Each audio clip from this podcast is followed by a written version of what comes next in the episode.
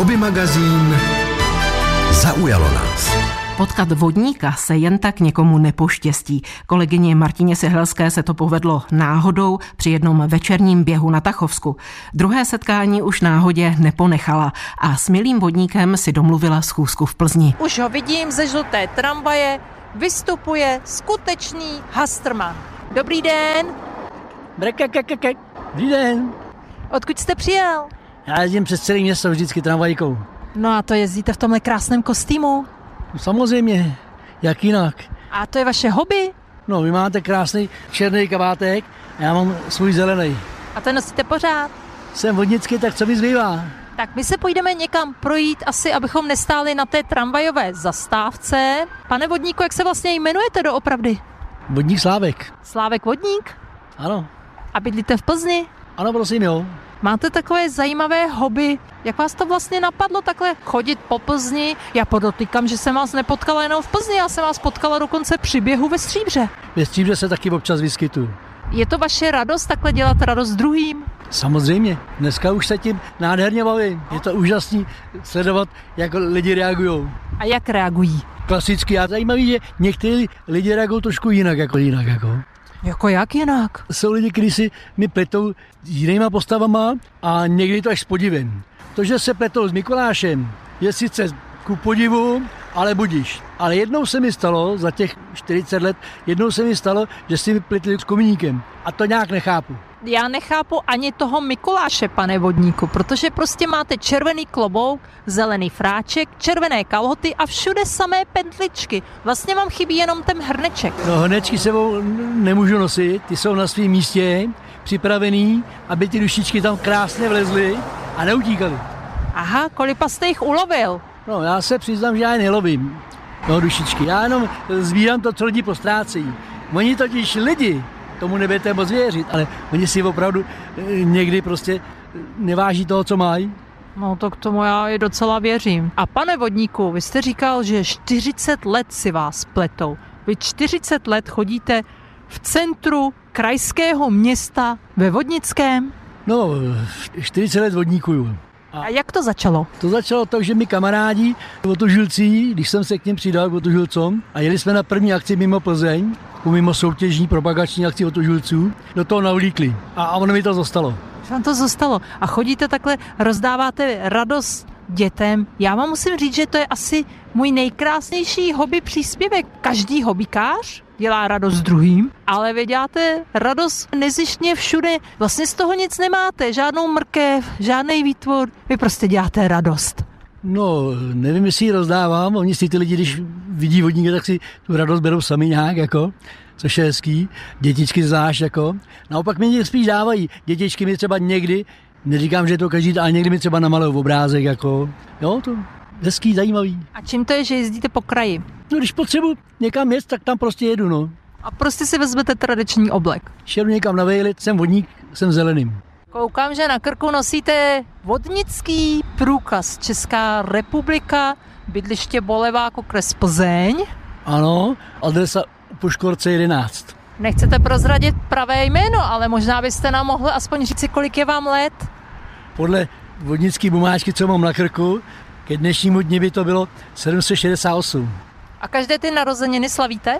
Ani tak neslavím, jako si je připomínám. Dortem. Rybím. Rybím dortem, ne, ale vždycky něčím dobrým, no. Vy jste říkal, že také chodíte v kostýmu vodníka do hospůdky a že občas vás tam přátelé překvapí a připraví vám tam třeba labor s vodou nebo čber s vodou. Vzhledem k tomu, že chodím jako vodník v zeleném pořád, tak tudíž chodím i do hospůdky. A už se mi několikrát stalo v Plzni, že mi tam připravili lavor s vodou, abych prým tam nevyschnul. Takže jste se tam dal nohy. Někdy nohy a někdy mi dozor, abych jako šos, jako tak. Jasně, ze času má neustále kapat voda, je to tak. To už je diskutabilní. To jsou staré pohádky, staré pověsti a dneska už ne. Dneska už nekapě ze šosu, protože lidi vyplýtvali příliš mnoho vody a proto já mám jenom pro vlastní potřebu. Žádný plýtvání. A my jsme se vydali na procházku v plzeňské čtvrti Bory a potkali jsme paní Boženku Kmochovou, vy tady venčíte pejská. Ano, A teď jste potkali vodníka, jak se vám líbí pan vodník? ten je kouzelný. Krásný kostým. No, pěkný. Český rozhlas Plzeň, rádio vašeho kraje. Do základu sokolnictví nás před dvěma týdny v hobby magazínu speciál zasvětil sokolník Milan Zaleš. Dravcům se věnuje od dětství. Před 30 lety svůj koníček proměnil v zaměstnání. Stojíte o seznámení s jedním z jeho svěřenců? To je úplný nováček, je to vlastně letošní miminko Luňáka hnědého. Co umí? No umí zatím přijímat potravu na rokavici, první fáze onášení, to znamená zvyká si na mě, zvyká si na ostatní kolegy, zvyká si samozřejmě na provoz, na ostatní lidi, na komunikace, na auta a tak dále. Vidíte, že celkem sedí už na rukavici bez problémů. A také začíná lítat na šňůře zhruba nějakých 10-15 metrů. To znamená, už je to na bázi podního reflexu, že ví, že na té rukavici má potravu a on samozřejmě na tu rukavici za tu potravu přiletí. Až bude na ty šňůře na těch 25 metrů, tak půjde na volno.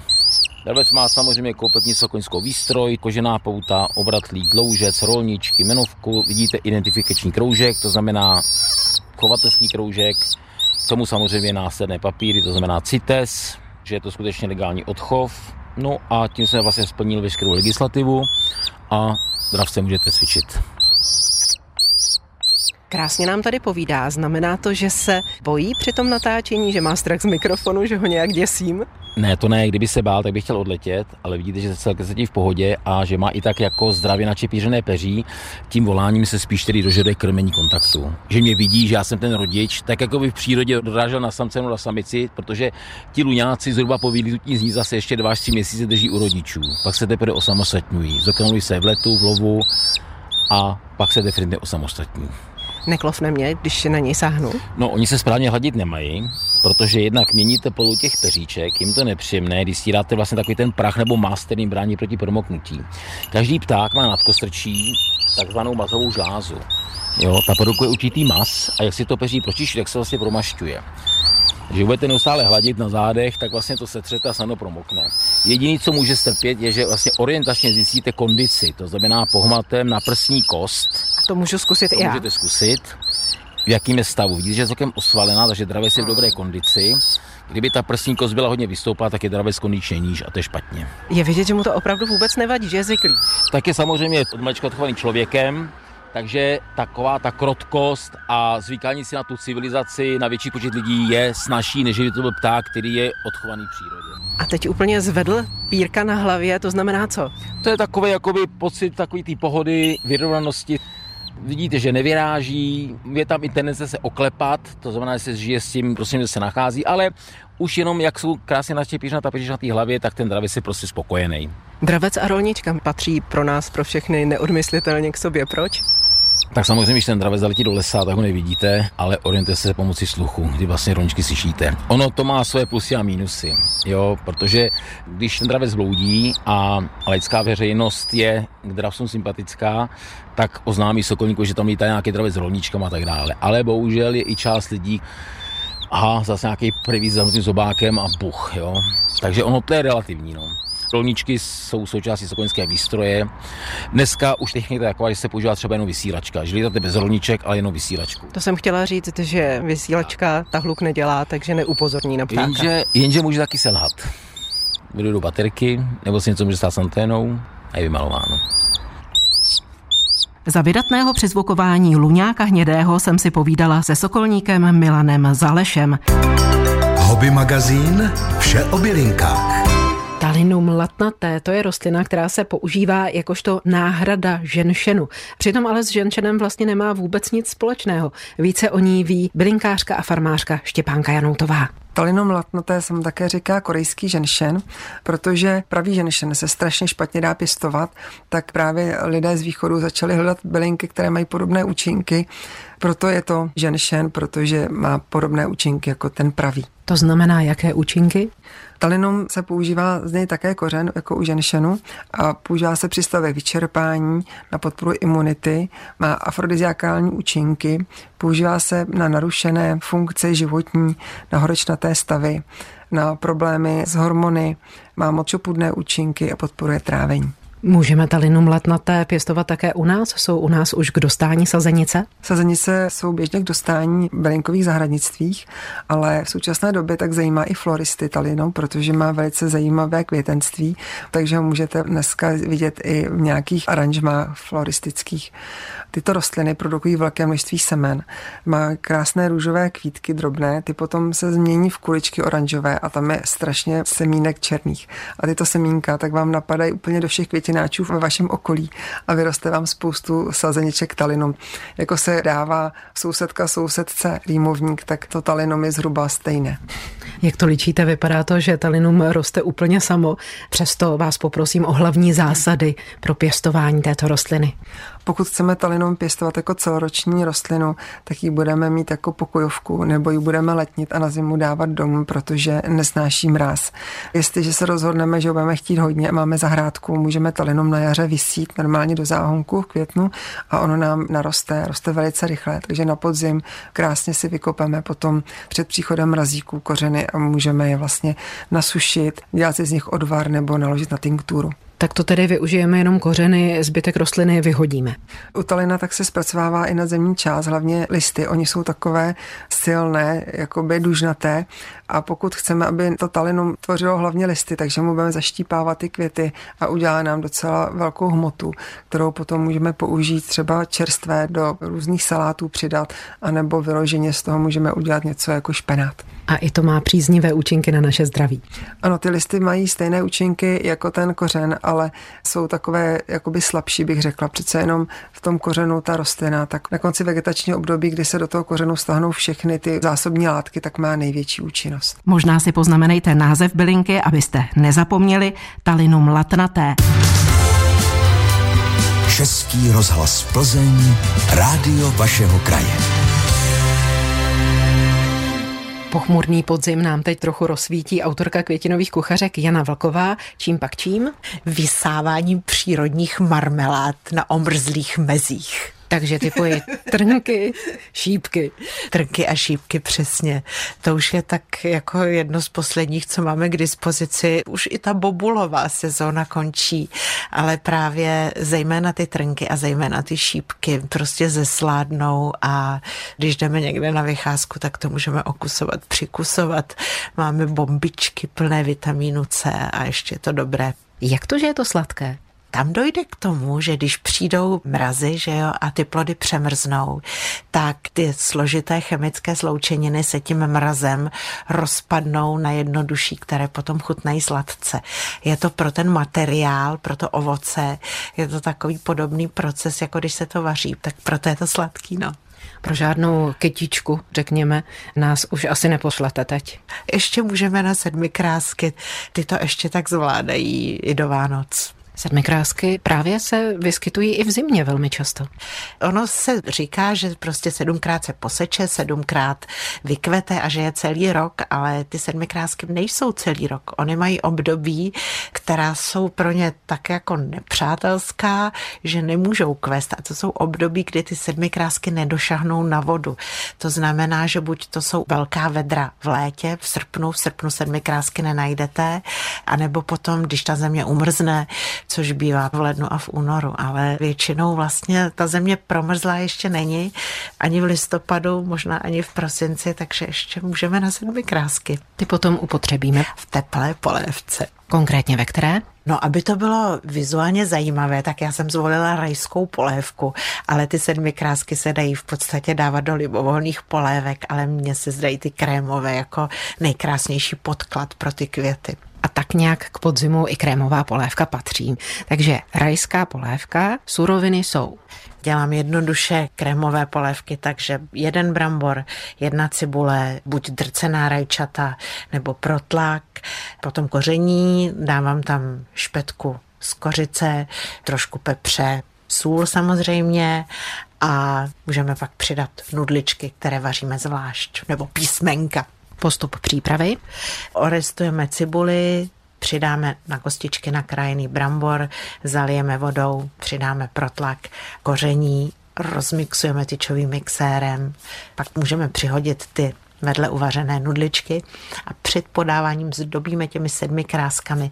Ty sedmi krásky, pozor, se dávají až na nalité talíře a nesmí ta polévka být příliš horká, protože by se ty sedmi krásky uvařily. Když je tak akorát teplá, tak se ty sedmi krásky naopak krásně rozvinou. V podstatě v té polevce rozkvetou. Hobby magazín Zveme vás. Na největší přehlídce králíků v plzeňské oblasti budete zítra v sobotu 4. listopadu vítáni v Nezvěsticích. Celostátní speciální výstava králíků masných plemen tam bude probíhat od 8 do 14 hodin. Předvedeno a posouzeno bude 355 kusů králíků pěti plemen a jejich různých barevných kombinací od nejlepších chovatelů z celé České republiky. Na festival deskových her Goliáš a David můžete o tomto víkendu 4. a 5. listopadu zamířit do Staňkova. V tamním lidovém domě budete vítáni zítra od 9.30 do 19 a pozítří od 9.30 do 14 hodin. Vstupné je dobrovolné. Kurzu výroby kimči se můžete zúčastnit v městské knihovně Chodov. Super potravinu plnou vitamínů vás tam naučí si připravit v pondělí 6. listopadu od 17 do 19 hodin. Příroda v zimě, to je název výstavy, která bude v úterý 14. listopadu v 17 hodin slavnostně zahájena v Muzeu Českého lesa v Tachově. Fotografie i trojrozměrné exponáty doplněné stručnými texty o tom, jak savci, ptáci, hmyz i rostliny přečkávají zimní měsíce, si v Tachovském muzeu budete moci prohlédnout po celou zimu. Už jenom do neděle 5. listopadu tam můžete navštívit výstavu Když jsem šel z hub. Plzeňský klub železničních modelářů pořádá od 16. listopadu do 17. prosince velkou výstavu železničních modelů. K vidění bude modelové kolejiště o celkové ploše 140 metrů čtverečních s téměř 50 unikátními vlakovými soupravami. Jedná se o největší expozici svého druhu v Česku a jedinou na západě Čech. Najdete ji v ulici Karla Steinera 10a v Plzni Skvrňanech od čtvrtka 16. listopadu, vždycky ve čtvrtek a v pátek od 15 do 18 a o víkendech od 9 do 18 hodin. Napříč Slavkovským lesem můžete v pátek 17. listopadu putovat s průvodci Pavlem Jaškou a Janou Rolkovou. Sraz je v 9 hodin 30 minut na kolonádě v Mariánských lázních. Půjdete víc než 20 kilometrů náročnou trasou s převýšením, která vede přes pět přírodních rezervací a jednu národní přírodní památku. Cílem turisticko-přírodovědného výletu je Bečov nad Teplou. S Janou Vlkovou, autorkou květinových kuchařek a lektorkou vaření z jedlých rostlin, která s námi pravidelně spolupracuje, se v listopadu můžete setkat i mimo rozhlasové vlny. A to ve středu 22. v knihovně města Plzně. Bude to v rámci nepravidelného cyklu o kuchařkách a kuchařských knihách a já tam budu vyprávět, jaký je to adrenalín fotografovat jídla s květinami, sestavovat recepty s květinami a vůbec sestavovat štábně organizované recepty s něčím tak nevyspytatelným, jako jsou plané rostliny. Říkáte, je to adrenalina, výsledek přitom působí tak poklidně a pohodově. No právě proto. Je to adrenalin, ale ten výsledek má vypadat nonchalantně a doufám, že i tak vypadá. Budu o tom vyprávět, tak jestli si to chce někdo poslechnout, jsou všichni srdečně zváni. Na 22. listopadu do Polanovy síně knihovny města Plzně. Začátek je v 17 hodin, vstup zdarma. Hobby magazín Houbařské okénko.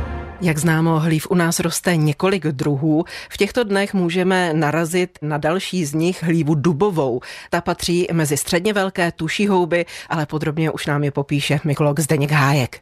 Hlíva dubová má klobouk obvykle maximálně do 10 cm šíře. Klobouky jsou okrouhlé až výhřovité, jsou bokem přirostlé.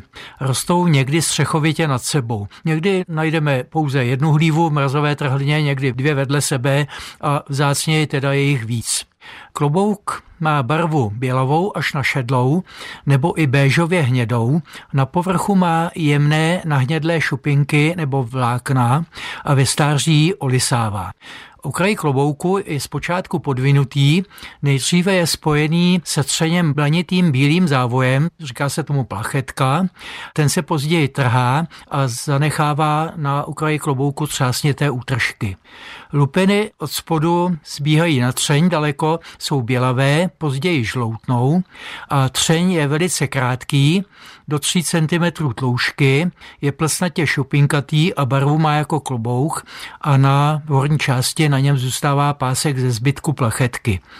Dužněna je dost tuhá, ve stáří žloutne. Kde hlíva dubová roste? Na dubech, podle názvu? Paradoxně já nacházím hlívu dubovou v podstatě jedině na smrku většinou. Ale původně byla popsaná prvně z dubu, většinou se udává, že roste na jiných listnáčích, to znamená třeba na jabloních, v alích, v sadech, na bucích, na topolech, na přízách. A většinou teda vyrůstá z trhlin, proněných kmenů a často i třeba jeden metr nad zemí. A je to tedy jedlá houba? Je to jedlá houba, i když je tuší, bereme jenom ty kloboučky, podobně jako hlíva ústřečná, ta je také tuhá. Ta mimochodem také roste pořád. Ano, ta teďko by se měla právě začít objevovat ve větším množství. Zpět k hlívě dubové. Stává se, že houbaři hlívu dubovou zamění s nějakou jinou houbou? Dalo by se zaměnit s lívou plisní, i když ta už teďko většinou přestává růst, je to většinou litní druh a ta se liší, že má hladký povrch klobouku, nemá takové ty šupinky, roste hlavně na břízách živých i odobřelých, většinou na ležících kmenech. A pak ještě můžeme zmínit hlívu čepičkatou, která má postranní klobouk, přirůstá ke dřevu bezstřeně, je tedy poměrně vzácná a vyrůstá v teplých oblastech na topolech. Já se přiznám, že jsem ji živou ještě neviděl, pouze na obrázku. Tyhle hlívy jsou také jedlé. Ano, ty jsou všechny jedlé. Na jedlé hlívy v čele s hlívou dubovou jsme se zaměřili se Zdeňkem Hájkem, předsedou Mykologického klubu Plzeň.